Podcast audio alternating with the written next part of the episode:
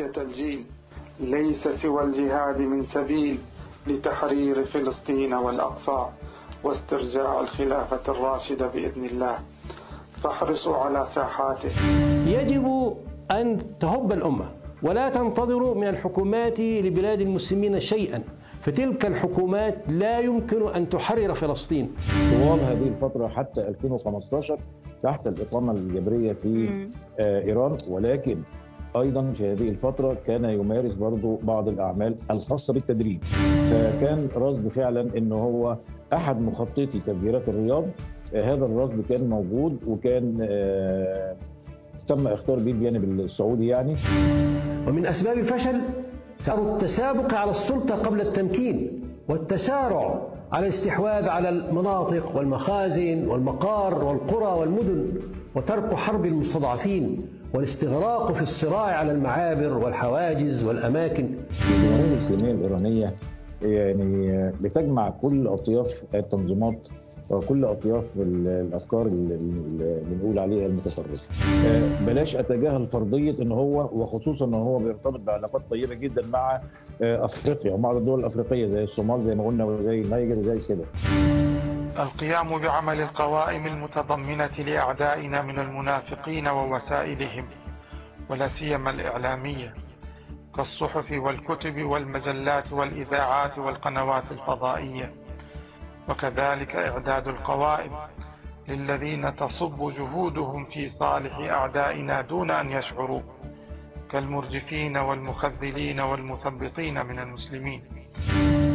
عاد اليوم إلى الواجهة من جديد سيف العدل وهو الاسم الحربي للجنرال العسكري في تنظيم القاعدة محمد صلاح الدين زيدان ابن محافظة المنوفية المصرية.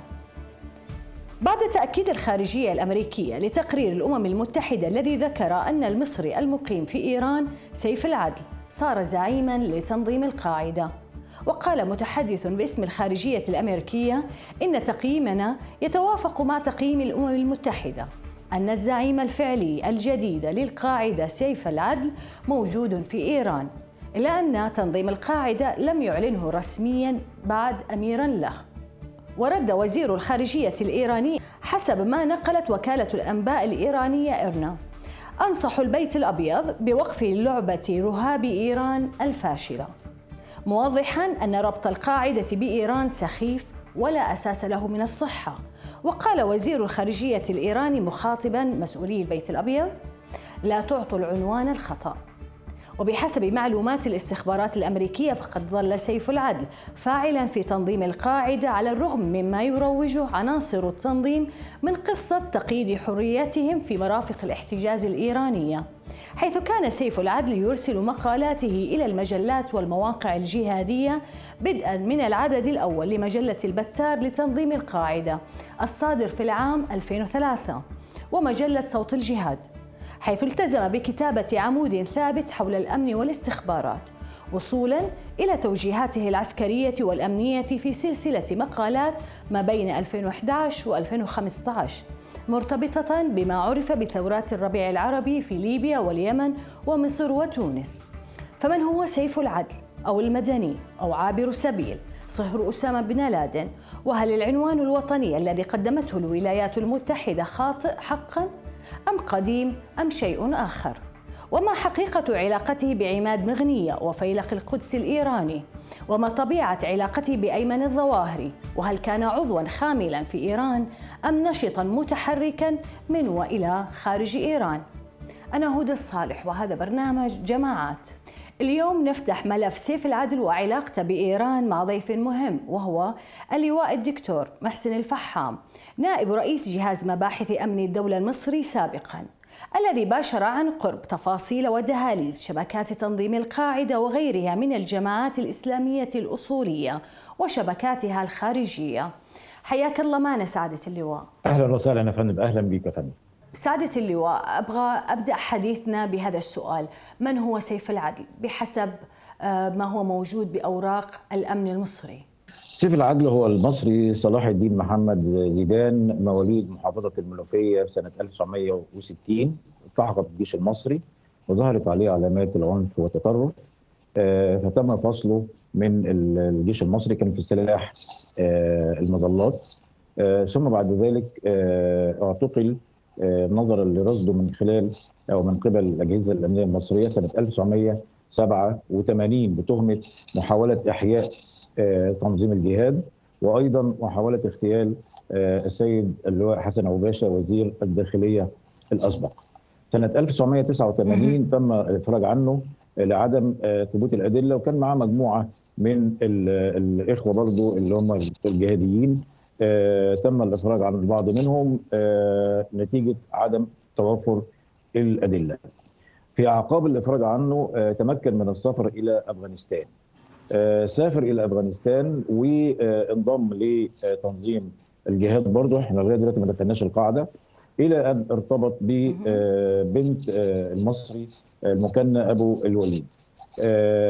تزوجها وعاش هناك في أفغانستان وأنجب منها أربع أولاد ثم بعد ذلك بدأ يدرب بعض ما سمي بالمجاهدين الأفغان ضد الاحتلال أو الغزو السوفيتي لأفغانستان. ونجح فعلا في تدريب العديد من الكوادر اللي موجودة هناك نتيجة خبرته العسكرية. ثم بعد ذلك توجه إلى السودان. وفي السودان أيضا قام بتدريب في الفترة دي نقول بقى ان حماه يعني ألحقوا بتنظيم القاعدة. وكان الحقيقة نظرا للالتزام مين تقصد أبو الوليد المصري؟ أيوه أبو الوليد مصطفى حامد؟ تمام كده؟ هو ألحق بتنظيم القاعدة. أيوه هو اللي الحق بتنظيم القاعدة. نتيجة إنه آه يعني آه إنه ابو الوليد المصري كان قريب من آه الإرهابي آه أسامة بن لادن. ثم بعد ذلك آه اللي هو اللي هو اللي كان ماسك طبعا امين التنظيم يعني.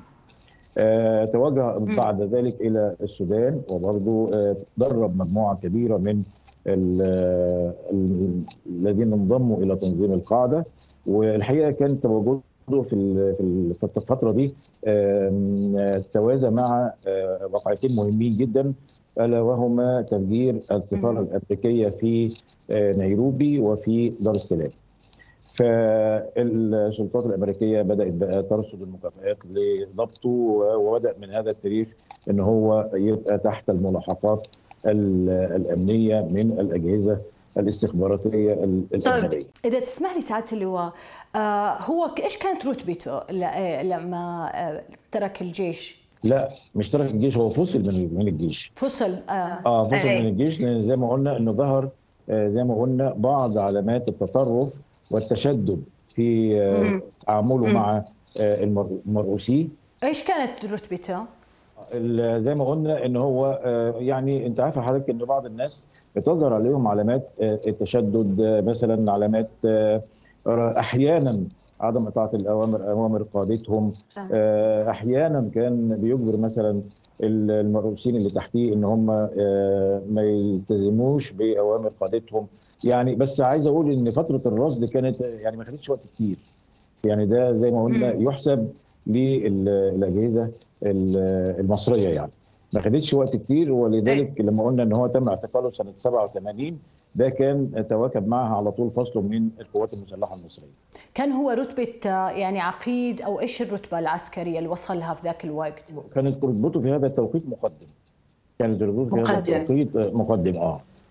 فيعني أيه. بعد كده لما حصل موضوع التفجيرات توجه إلى إيران. لما توجه إلى إيران برضو الحقيقة لحظة معلش تعيد لي هذه الجملة. متى بدأت مرحلته مع إيران بالضبط؟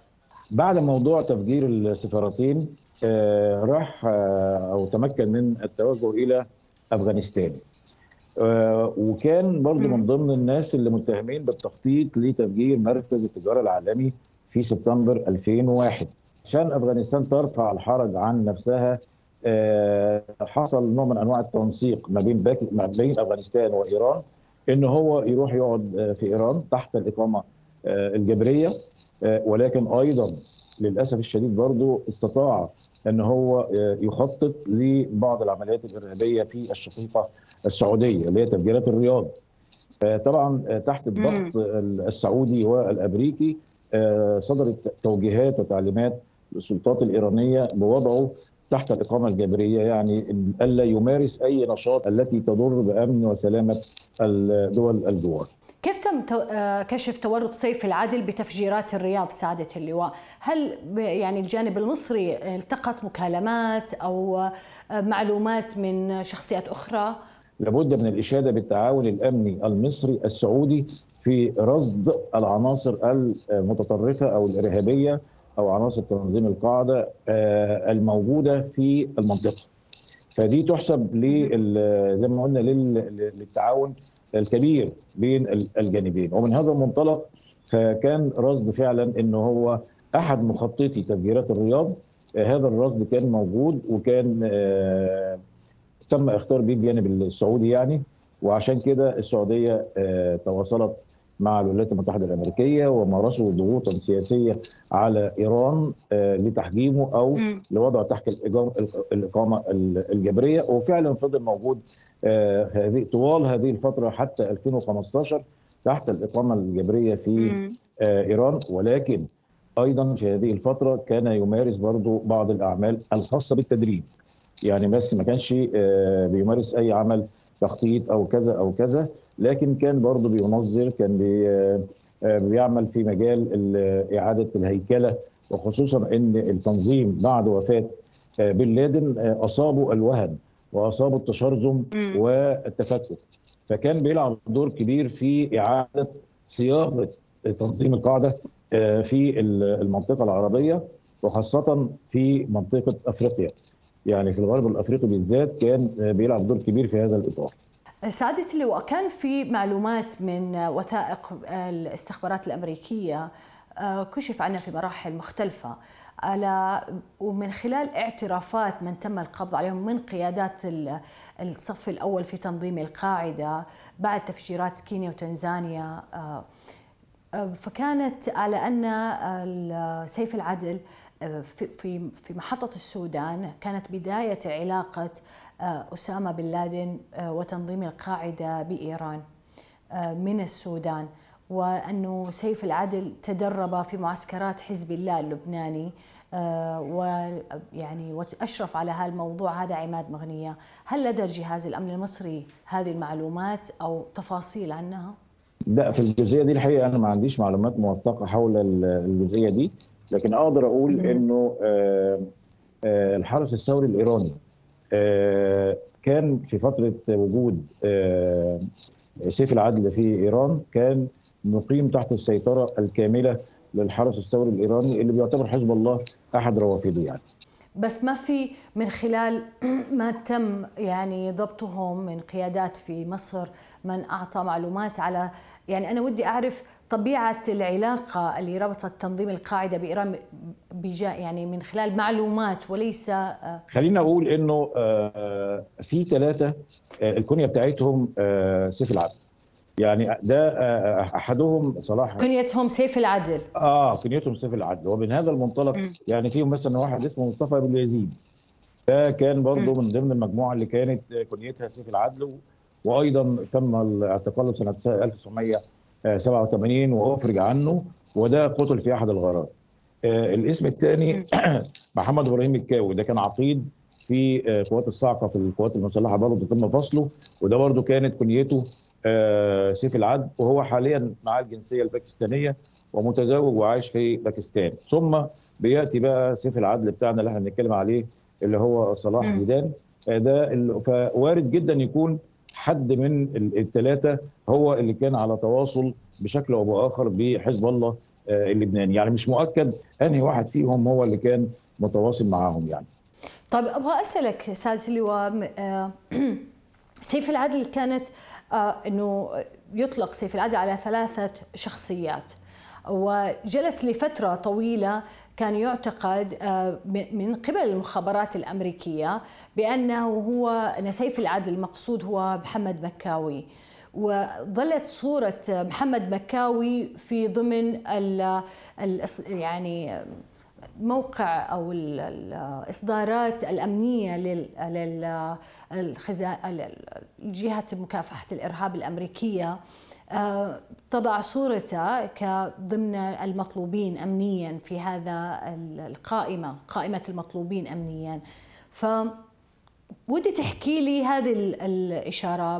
منذ متى وأجهزة الأمن المصرية تعرف هوية سيف العدو؟ ولماذا جلس لفترة طويلة لم تتغير صورته؟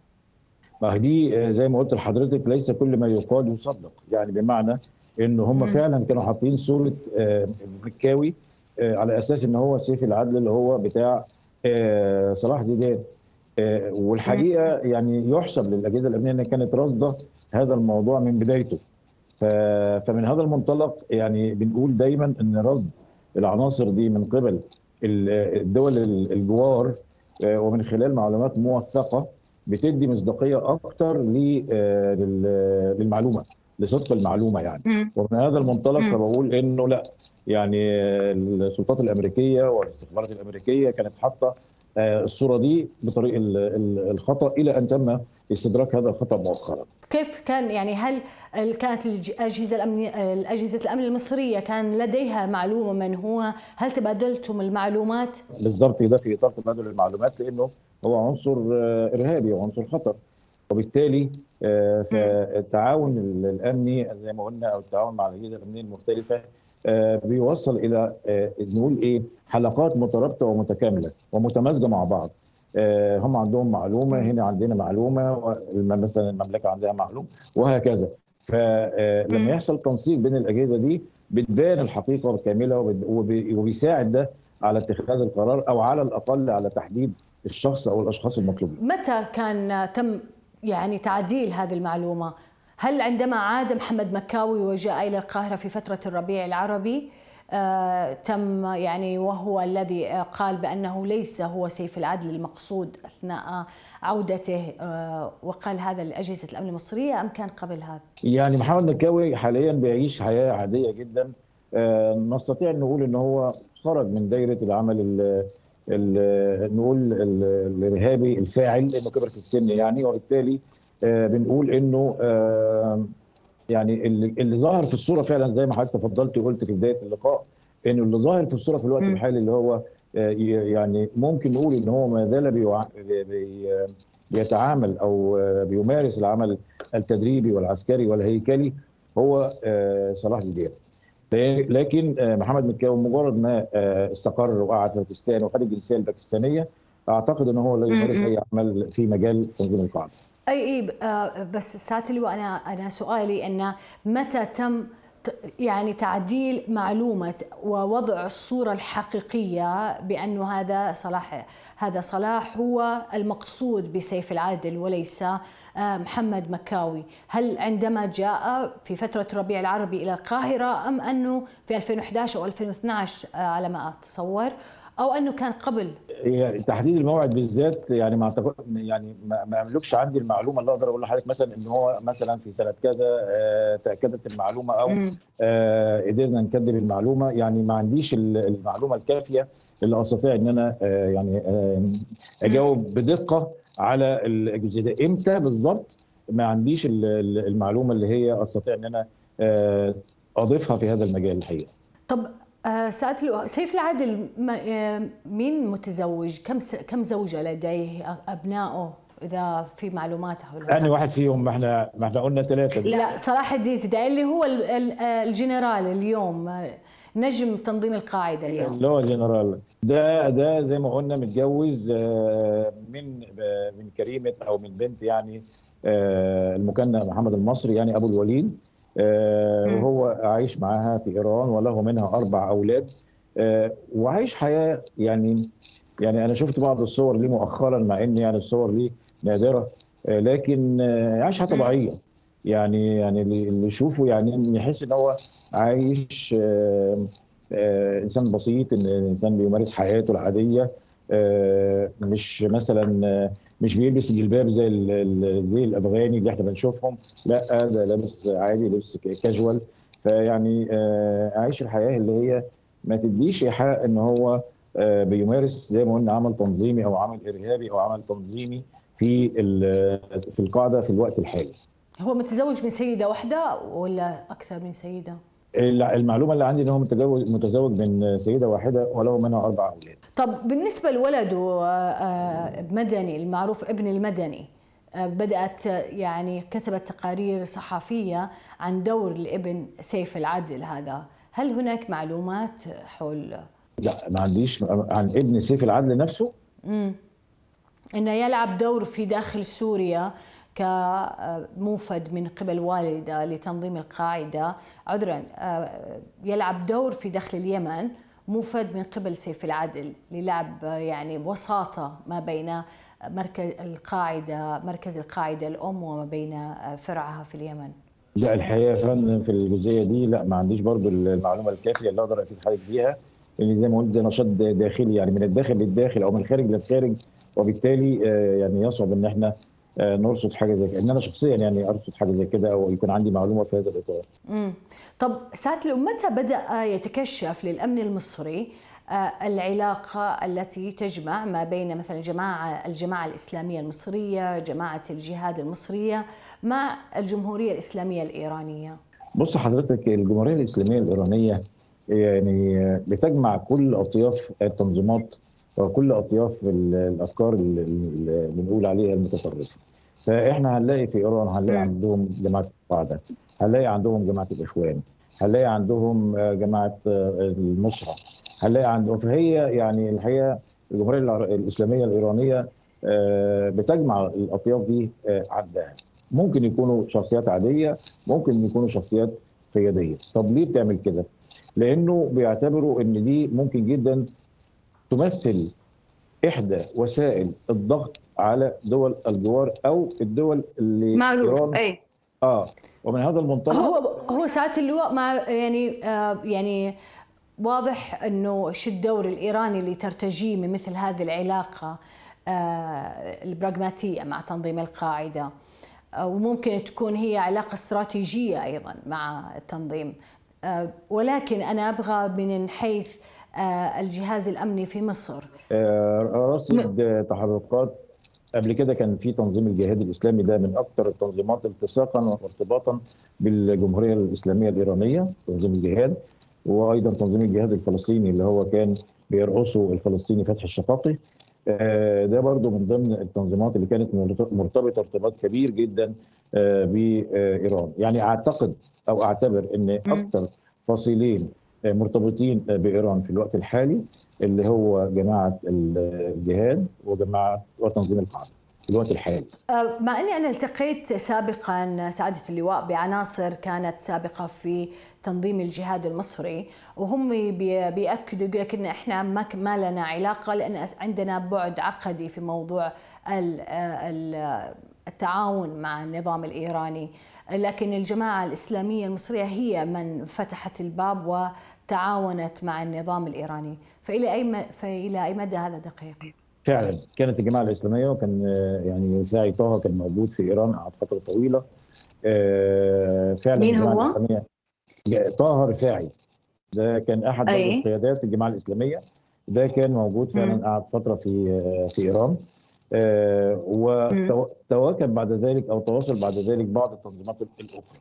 لكن أنا يعني من خلال معلوماتي إنه برضه بعد الجماعة يعني بدايتها كانت الجماعة الإسلامية ثم بعد كده حصل بعد اغتيال طبعا الرئيس الراحل أنور السادات يعني إيران استضافت العديد من قيادات الجماعة الإسلامية ثم بعد ذلك توالت قيادات الجماعات الأخرى. وزي ما قلت لحضرتك يعني أنا اعلم جيدا إن برضه تنظيم الجهاد الفلسطيني من التنظيمات اللصيقة وثيقه الصلة بأجهزة الاستخبارات الإيرانية. ما يعني يتم ذكره في عدد من المصادر بأن مج... أن البداية الأولى لمجموعات الجهاد وعلاقتها بإيران هي زيارة أجراها القيادي الجهاد القيادي في الجهاد المصري هو محمد أحمد الصاوي لإيران وكشفت أجهزة الأمن وقتها عن هذه القضية بإعادة تشكيل تنظيم الجهاد اللي كان في هذه القضية سيف العدل نفسه. لفت انتباهي بأن أح... أن الصاوي طبعا كان معه شخصيات أخرى أسامة أسامة حميد الشهير بأسامة جغرافيا وأحمد راشد محمد راشد. كنا سبق استضفناه معنا في في بودكاست جماعات في إحدى الحلقات وهو قيادي سابق في تنظيم القاعدة. أن هذه القيادات تم القبض في هذه القضية على قيادات في الجيش المصري مثل الضابط محمد البرم ومحمد صلاح الدين زيدان والعقيد محمد مكاوي.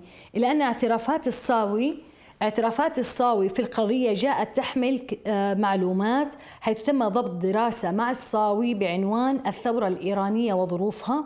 شارك فيها شخصيات جهادية فلسطينية وتركية وسورية.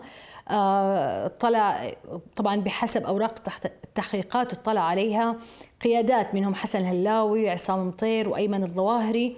طبعا إحنا نتكلم في سنة 87 فهل تذك... هل تذكر لي بعض المعلومات عن هذه؟ خاصة إحنا نتكلم عن قضية هي نفسها آه، سيف العادل كان ضمنها. بالضبط. إحنا اتفقنا إن سنة 1987 كان هناك محاولات لإحياء تنظيم الجهاد. وهذا وهذه المحاولات تم رصدها بدقة من أجهزة الأمن المصرية. ولكن زي ما قلنا وكان العدد يعني يعني كبير. ولذلك المحاكمات الحقيقة شملت الأسامي اللي حضرتك تفضلتي وقلتيها دي. بالإضافة إلى أسماء أخرى إحنا آه، يعني آه، ما نعرفهاش حتى الآن. لكن بعد كده لما حصلت موضوع الإفرادات سنة 1989 البعض منهم آه، سافر إلى أفغانستان. تحديدا يعني كان معظم الوجهات بتاعتهم إلى الافراد الأراضي الأفغانية وإلى باكستان والبعض الآخر إلى السودان. فعايز أقول إنه في في السنتين دول اللي هم من 87 ل 89 آه، نجحت الأجهزة الأمنية المصرية في آه، رصد آه، تقريبا جميع عناصر التنظيم وأجهضته.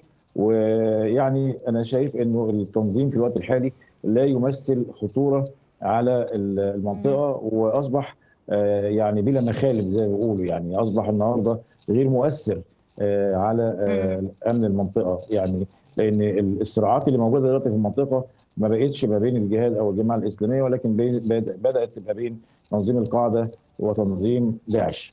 ده اللي أنا شايفه دلوقتي وده اللي إحنا راصدينه يعني.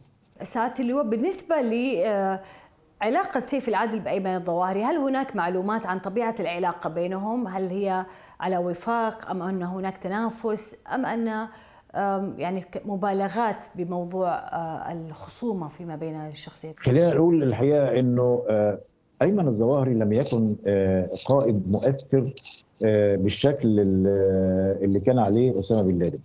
ومن هذا المنطلق فكانت فترة سيطرته أو قيادته لتنظيم القاعدة ما كانتش من الفترات اللي فيها نوع من أنواع العنف أو العمليات الإرهابية.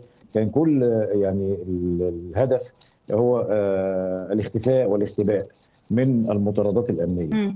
فمن هذا المنطلق آه، بدأ ظهور سيف العدل.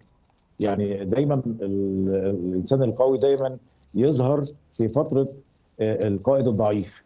فكان أيمن الظواهر الحقيقة بداية المرض وبداية إحساسه بعدم القدرة على آه، أداء مهامه كقائد لتنظيم القاعدة دي كانت بداية ظهور بقى آه، قوة آه، سيف العدل وسيطرته على بعض المحافظات أو بعض الأماكن اللي بيتواجد فيها وده كان تقريبا في سنة 2020 في 2022 يوليو 2022 لما قتل ايمن الظواهري بدأ يتردد اسم سيف العدل بالشكل اللي إحنا بقى دلوقتي بنتناقش فيه أو الشكل اللي إحنا بنتكلم فيه دلوقتي. هل فعلا هذا الرجل اللي كان بيدي دورات عسكرية والرجل اللي كان له باع في آه، توحيد كلمة تنظيم القاعدة في آه، بعض الدول الأفريقية والشخص اللي هو عنده الخبرة العسكرية وخصوصا بعد آه، زي ما قلنا اعتزال مكاوي هذا العمل في واستقراره واستقراره باكستان هل هذا الشخص يصلح إن هو يكون خليفة آه، لأيمن الظاهري ولا لا؟ فكانت علاقته بأيمن الظواهري علاقة إلى حد كبير طيبة لكن علاقته كانت بأسامة بن لادن مش آه، طيبة وكان هناك العديد من القيادات التاريخية آه، كانت بتنادي باستبعاده من من التنظيم. وزي ما قلنا إنه الشخص اللي إحنا بنتكلم عنه ده مش من الشخصيات التاريخية التي ساهمت في تأسيس تنظيم القاعدة إن هو بدايته كان تنظيم الجهاد. فعشان كده مش لاقي قبول ما كانش لاقي قبول وما زال حتى الآن برضه مش لاقي قبول من القيادات التاريخية الموجودة آه، خارج إيران والمتواجدة في أفغانستان وفي باكستان وفي اليمن وفي الصومال. عشان كده بنقول إنه يعني حتة إن هو يتولى أو لا يتولى أنا شايف تقديري الشخصي إن هي ما زالت محل نقاش أو محل خلاف أو محل تبادل وجهات نظر إن في يمكن شخصيات أقدم منه وفي شخصيات لها قبول أكتر منه وفي شخصيات أيضا مسيطرة على بعض الأماكن الجغرافية زي اللي هو اللي هو الأخ الطريفي ده اللي هو مسيطر على منطقة الجزيرة العربية. ده الحقيقة من وجهة نظري برضه من الشخصيات التاريخية اللي إحنا نعتقد ان إحنا نكون من أكثر الشخصيات اللي ممكن يكون منافس لسيف العدل في قيادة تنظيم القاعده. بالنسبة للشخصيات نقول المصرية إحنا طبعا نعرف بعد فترة الربيع في شخصيات خرجت إلى سوريا. في شخصية أبو محمد مصري قتل في طهران وأيضا يعني في شخصيات كثيرة سقطت. هل اليوم هناك شخصيات تعتبر مهمة تكون أهم من سيف العدل؟ يعني خاصة نتكلم في مركز المركز الأم لتنظيم القاعدة سواء في في أفغانستان أو المنطقة الحدود القبائلية منطقة القبائل الحدودية. أنا شايف إن في بعض الشخصيات زي ما قلنا لا تقل عن سيف العدل من وجهة نظري. طبعا أنا بتكلم من, من خلال تبادل وجهات النظر. زي ما قلت القيادي خالد بطريفي ده المسؤول عن بطرفي. خالد بطرفي. آه بالظبط. ده مسؤول تنظيم القاعدة في الجزيرة العربية. أيضا القيادي أبو عبيدة العنابي وده جزائري ومسؤول عن التنظيم في منطقة المغرب العربي. أيضا القيادي إياد أبو غالي وده برضو أحد مسؤولي التنظيم وده كان أساسا من جبهة نصرة الإسلام والمسلمين. أنا شايف إن دول لا من وجهة نظري لا يقلوا أهمية وتواجد زي ما قلنا ويمكن قبليه كمان ومحمد الجولاني أيضا اللي ماسك منطقة اليمن والعراق أيضا برضو من القيادات اللي إحنا لا يستهان بها محمد الجولاني اللي تقصد اللي بسوريا. اللي في سوريا أيوه ماسك بس ما هو منشقين عن تنظيم القاعدة يعني ما له علاقة في تنظيم القاعدة هم على خلاف معه اليوم. على خلاف ولكن له دور وله تأثير. يعني لم ينضم مثلا إلى إلى تنظيم آخر وما زال على قوة القاعدة. ولكن زي ما بقول وله على فكرة له دور في تنظيم القاعدة ودور برضه لا يستهان به خليني أقول لحضرتك حاجة مهمة. دايما نحط في اعتبارنا إنه ما فيش واحد منشق عن تيار ديني متشدد وبنقول إن هو أصبح معتدل. لا يعني أنا بقول إنه الاعتدال ده ده موضوع خارج السياق خارج السياق اللي إحنا بنتكلم فيه. فاللي خرج من دايرة مثلا تنظيم القاعدة أكيد ما زال لأنه إحنا بنتكلم في فكر. وليس بنتكلم في ديناميكية بنتكلم في استراتيجية بنتكلم في تنظيم بنتكلم في نواحي تنظيمية. فعشان كده بقول دايما إحنا لما بنيجي نواجه آه هذه العناصر آه دايما بتبقى المواجهة الفكرية أصعب وأهم بكثير جدا من المواجهة الأمنية أو العسكرية. فدي يعني دي, دي إحنا اتعلمناها إن دايما كيف تواجه الفكرة بالفكرة وكيف تواجه الحجة بالحجة. اتفضل سعاده اللواء في فترة الربيع ما تعرف فترة الربيع العربي جاء عدد من الشخصيات المصرية من إيران. من بينهم محمد شوقي الاسلمبولي شقيق خالد الاسلمبولي وأيضا عندنا مصطفى حامد نفسه جاء إلى مصر مع أعتقد مع زوجته وأسرته. و في أشخاص آخرين. ودي تحكي لي عن هذا. إذا حضرتك كنت وقتها وقفت على هذا الموضوع وكيف كان الترتيب من قدومهم إلى إيران؟ ولماذا عادوا؟ يعني هناك مثلا أبو الوليد عاد إلى إيران من جديد. محمد شوقي الاسلمبولي في تركيا اليوم يعيش هناك. ولماذا بقي سيف العدل في إيران؟ خلينا نقول إن الفترة اللي هي ثورة أثناء ثورة الربيع العربي ومع يعني الفترة السنة اللي حكم فيها الإخوان مصر الفترة دي هي اللي شهدت عوده تلك الكوادر إلى دولها على فكرة. يعني إحنا بنتكلم طبعا على على مصر فبنتكلم في الشخصيتين دول بالتحديد يعني. لكن من المؤكد إن في بعض الشخصيات القيادية الأخرى عادت يعني في إلى دولها و الشعوب في هذه الدول لفظت تلك العناصر بعد ما سقطت حكم أو جماعة الإخوان في مصر. صحيح. وهم فعلا جم في التوقيت ده وغادروا مصر يعني بمجرد ما بدأت بوادر ثورة 30 يونيو 2013 مش هقول غادروا أقدر أقول إن هم تمكنوا من الهروب من من مصر لانهم حسوا إن هم شخصيات غير مرغوب فيها من الشعب المصري قبل ما يكون غير مرغوب فيها من النظام في مصر. طب بالنسبة لمصطفى حامد ودي تحكي لي شو المعلومات عنه وشو طبيعة علاقته هناك مع الحرس الثوري الإيراني؟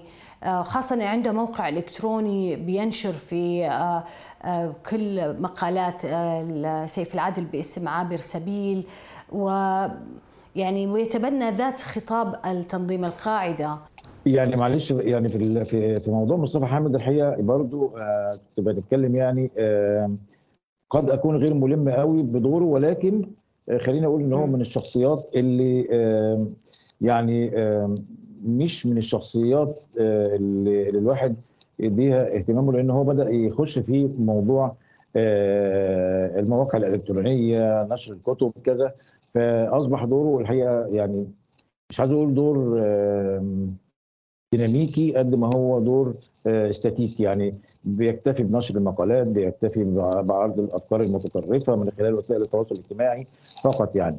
فده ده دي معلومات الحقيقة عن هذا الشخص يعني. سعادة اللواء هل العنوان الوطني اللي قدمته الولايات المتحدة مؤخرا عن موقع سيف العدل بحسب رصد الأجهزة الأمنية المصرية هو دقيق؟ لا أنه هو في إيران هو اليوم؟ هو هو البيان بتاع الخارجية الأمريكية لم يشر إلى أن المعلومات دي جاية من الأجهزة المصرية. هو ما أشرش. يعني هو بيقول إن هم هم عندهم معلومات مؤكدة إن هو في إيران. دايما صحيح. وإحنا بنتكلم في الملفات الأمنية دايما بحط احتمال واثنين وثلاثة. لكن النهارده إن أنا أجزم إن هو مثلا موجود في دولة دولة معينة وليكن أي دولة غير إيران مثلا يعني حتى لو النهارده خبر زي ده انتشر. هل النهارده إيران هتتمسك بوجوده ولا هيحصل زي ما حصل قبل كده وساب دولة ما وراح دولة أخرى؟ ولذلك أنا بتصور إن هو آه ممكن يكون فعلا موجود في إيران ممكن. ويكون متحجم آه ممكن. لكن في نفس الوقت بلاش أتجاهل فرضية إن هو وخصوصا إن هو بيرتبط بعلاقات طيبة جدا مع أفريقيا ومع الدول الأفريقية زي الصومال زي ما قلنا وزي النيجر زي كده. فبرضه نحط في اعتبارنا إن هو زي ما في نسبة كبيرة إن رصدتها المخابرات الأمريكية أيضا نحط برضه احتمال إن هو ممكن جدا يكون موجود في إحدى الدول الأفريقية.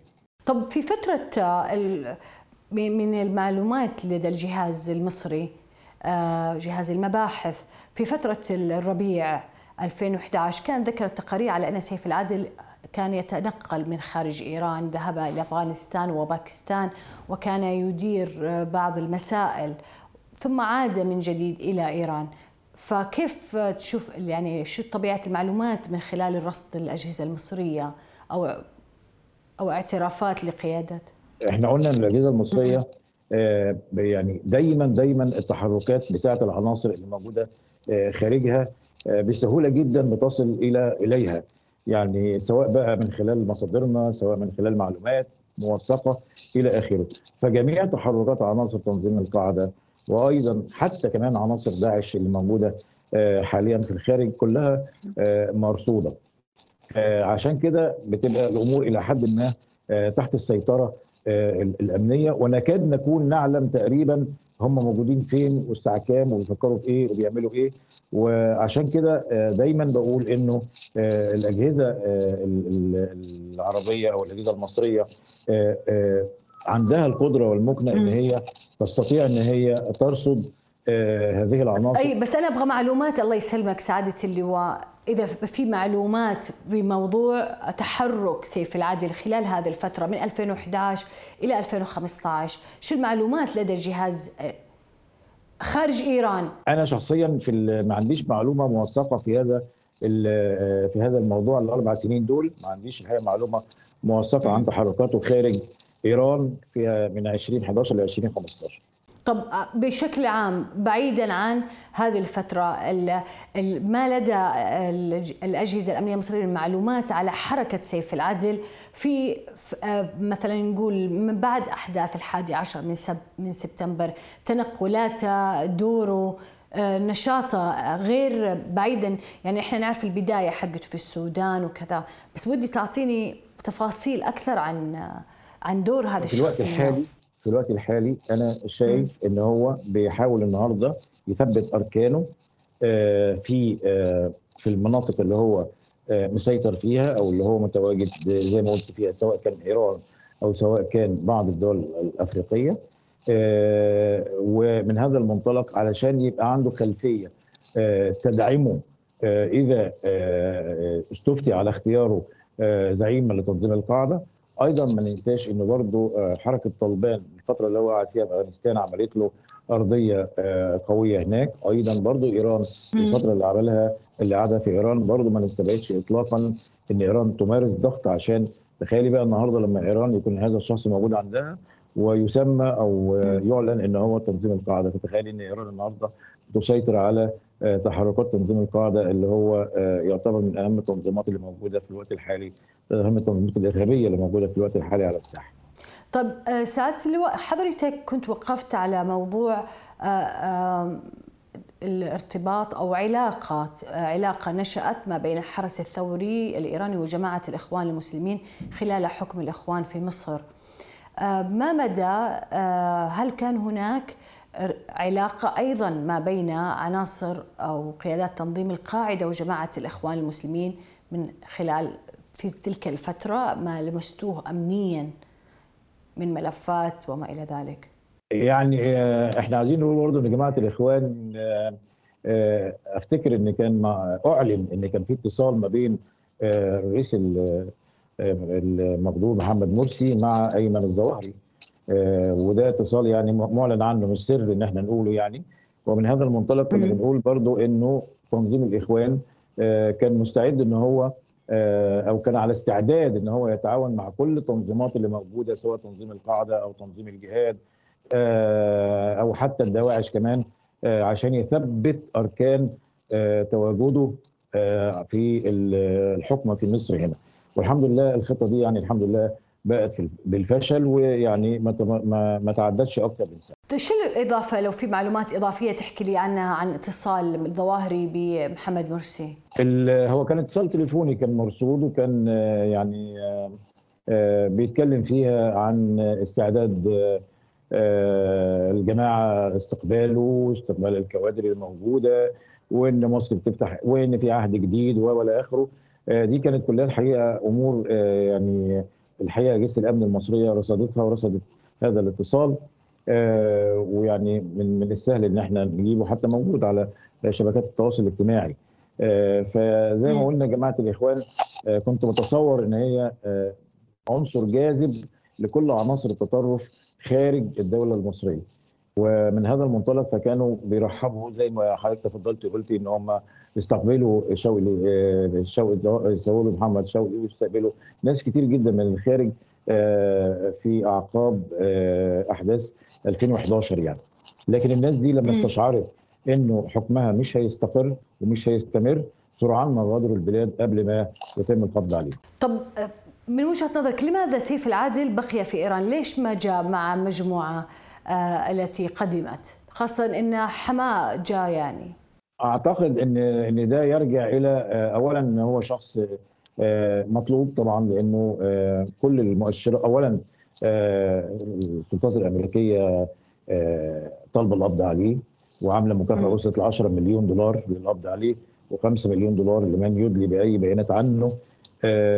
يعلم جيدا قوة أجهزة الأمن المصرية أن هو آه، مش زي دول خالص آه، إن هو لما يجي هيتقبض عليه لازم يتقبض عليه لأنه زي ما قلت كان المحرك أو أحد مفكري الأعمال التفجيرية أو الإرهابية اللي حدثت في عهده إبان فترة وجوده في السودان وفي إيران وفي أفغانستان. آه، هل لديك ساعة اللواء معلومات عن طب إيش النقاط اللي اختلف فيها سيف العدل مع أسامة بن لادن؟ قبل أحداث 11 سبتمبر إيش كانت طبيعة الكاريزما يعني الشخص بيناتهم كاريزما العلاقة؟ شخصية مش مسيسة بتميل زي ما قلنا إلى العنف إلى ازدراء الغير شخصية متسلطة إلى حد كبير يعني توصف إن هو يسمع الرأي والراي الآخر لأ كان الرأي بتاعه هو المفروض يمشي طالما هو من العسكريين أو من المؤهلين عسكريا أو تنظيميا. فدي كانت الحقيقة أمور كانت دايما محل خلاف مش مع أسامة بن لادن فقط ولكن مع القيادات اللي حوالين أسامة بن لادن. ولكن هذه الخلافات تفاقمت بعد لأن كان أسامة بن لادن كان عنده القدرة على احتواء هذه المواقف وعلى هذه الخلافات. لكن مع موته أصبح دلوقتي لما تولى بقى أيمن الظاهري بالشخصيه اللي الهادية الضعيفة اللي ليس عنده قدرة تنظيمية أو كذا فتفاقمت هذه الخلافات. وده عشان كده أنا بقول إنه قد يترتب على هذه الخلافات أو الاختلافات أن يكون هناك أكثر من منافس ليه في زعامة تنظيم القاعدة. طيب هل هل كان لسيف العدل هيئات للتنكر في خلال تنقله؟ يعني إذا كان لديك معلومة في هذا الإطار والأسماء الكنى أيه؟ الفترة اللي هي الفترة اللي هي كانت موجود فيها في إيران زي ما اتفقنا وقلنا إن كانت فترة طويلة جدا كان تحت الإقامة الجبريه فما كانش في مبرر إن هو يتخفى أو يتنكر يعني قاعد ما يعملش حاجة. فعشان كده طبعا ولكن ولكن سمة عناصر تنظيم القاعدة واي تنظيم إرهابي دايما حتة التنكر ودايما حتة التخفي استخدام أسماء كني مختلفة دي معروف عنهم كده نظرا لأن هم طبعا دايما بيعتبروا إن الهاجس الأمني عندهم بيأتي في المقام الأول وبناء عليه فدايما بيكون عندهم حتة تخفي واستخدام أسماء. سعادة اللواء بالنسبة للأشخاص اللي من عاد من إيران هل كان هناك يعني إيران هل منحتهم إيران أسماء أخرى؟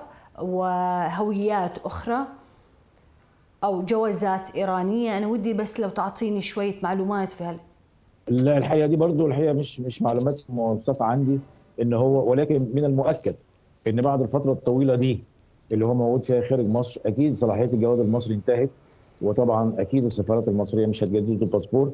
فمن الوارد جدا جدا إن هو يكون حصل على جوازات سفر أخرى لكن الحقيقة هي إيه بالظبط الجوازات الأخرى اللي بيحملها الحقيقة مش هقدر أفتي حضرتك في هذا الموضوع وشخصية بيجد دعم من الدول التي مكث فيها فترات طويلة دي كلها أمور إيش هي غير غير غير إيران؟ من هي الدول غير إيران ممكن؟ أفغانستان، السودان دول الدولتين الثابت فيهم إن هو تنقل فيهم وأقام فيهم فترات لا بأس بها يعني. لكن الفترة الأطول هي الفترة التي قضاها في إيران.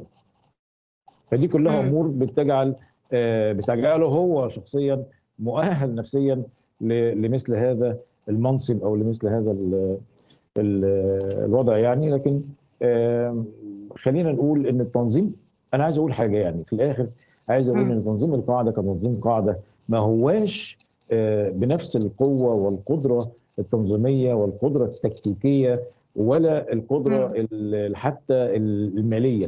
اللي تستطيع من خلالها إن هو يعمل عمليات واسعة وعلى مدى وعلى على مستوى واسع وعلى مستوى دول. ما عادش دلوقتي. ولذلك هو النهارده كل اللي بيعمله دلوقتي سيف العدل إيه؟ بيحاول يلملم بقايا تنظيم القاعدة في الدول اللي المد الامني فيها أو التواجد الامني فيها إلى حد ما مش قوي. ودي ودي يعني وجد ضلته زي ما قلنا في بعض الدول للأسف في الأفريقية. ولكن خلينا نقول برضه نقطة مهمة جدا ونشيد بها أيضا إن فعلا أجهزة الأمن في في في العديد من الدول الأفريقية وتحديدا الصومال مؤخرا استطاعت إن هي تقضي على أعداد كبيرة جدا من عناصر تنظيم القاعدة اللي موجودة وصل إلى حوالي 500 واحد خلال الفترة اللي فاتت دي. وبرضه بعض التنظيمات الأخرى. برضه هرجع تاني أقول إن الدول بدأت تاخد بالها جدا من هذه التنظيمات وتاخد بالها جدا من التنظيمات دي. ليس وراءها أهداف سوى التخريب والإرهاب والترويع ومن هذا المنطلق. فأنا شايف إنه تبادل المعلومات نمرة واحد. نمرة اثنين قوة قوة الأجهزة الأمنية اللي موجودة في هذه الدول استطاعت إنها تجهض العديد والعديد من العمليات وتقضي على أعداد كبيرة جدا جدا من عناصر تنظيم القاعدة في الفترة الأخيرة. طب سعادة لو اسمح لي يمكن نختم بهذا السؤال، حضرتك كنت مسكت إحدى مسؤولياتك مسؤولياتك الأمنية كانت مكتب مكتب العمل أو ما أدري كيف بتسمونه في سوريا كان لك نشاط هناك رسمي هل هل هذا العمل الامني كان يعني ما كشفتوا عنه من دور لتنظيم القاعدة ايران؟ لا هو ما كانش عمل أمني بالمقام الأول قد ما هو كان بيهتم بشؤون المصريين وعايز أقول إن في هذا التوقيت بالذات كانت من أكثر التنظيمات اللي موجودة كان تنظيم زمان كان اسمه تنظيم التكفير والهجرة. دول اللي هو استغلوا فترة العلاقات المصرية السورية كانت فترة من الفترات الإيجابية جدا فكان المصريين دول بيخشوا هناك من غير تأشيرات دخول. فكان الحقيقة فترة وجودنا هناك كان من الفترات اللي إحنا كنا بنتابع فيها آه هذا التنظيم. وأعتقد إن التنظيم ده تم تفكيكه دلوقتي. ما فيش حتى المسمى أساسا ما بقاش موجود دلوقتي على ساحة التنظيمات الإرهابية. وهذه معلومة مهمة. يعني تنظيم التكفير والهجرة هو كان في سوريا. يعني خرجت عناصر إلى سوريا. خرجت عناصر من مصر إلى سوريا مستغلين في ذلك زي ما قلنا عدم المطالبة بتأشيرات دخول. ولكن زي ما قلنا العناصر دي إحنا بنتكلم على فترة طويلة من زمن 1997 يعني كان لسه التنظيمات اللي موجودة دلوقتي ما ظهرتش حتى على الساحة. ده اللي هو التنظيم بتاع شكري مصطفى. هذا بالعام 97 تذكر لي أسماء منها؟ لا ما هو كان رئيس التنظيم اللي هو يعني شكري مصطفى اللي تم إعدامه. يعني ده اللي إحنا متذكرين. لكن بقية الناس العناصر كانت عناصر نقول ما هياش مؤثرة على الساحة وزي ما قلت برضه كان حصل بعد كده عملية وكلهم تراجعوا عن أفكارهم دي الحقيقة بالحوار وكان دي تعتبر من التنظيمات أو من الإيجابيات اللي برضه الأمن المصري إن هو استطاع إن هو اللي كنا بنسميها لو تفتكر حضرتك المراجعات الفكرية. دي برضه الحقيقة كنا نجحنا فيها إلى حد كبير وخصوصا مع الجماعة الإسلامية. وقبليها جماعة التكفير والهجره. طيب سعاده اللواء يعطيك ألف عافية وشاكره لك مشاركتنا بهذه المعلومات واسمح لي أن أختم هنا على الأرجح أن قصة سيف العادل وعنوانه الوطني ستظل معنا فترة من الزمن ليست بالقصيرة. هذا جماعة وأنا هدى الصالح.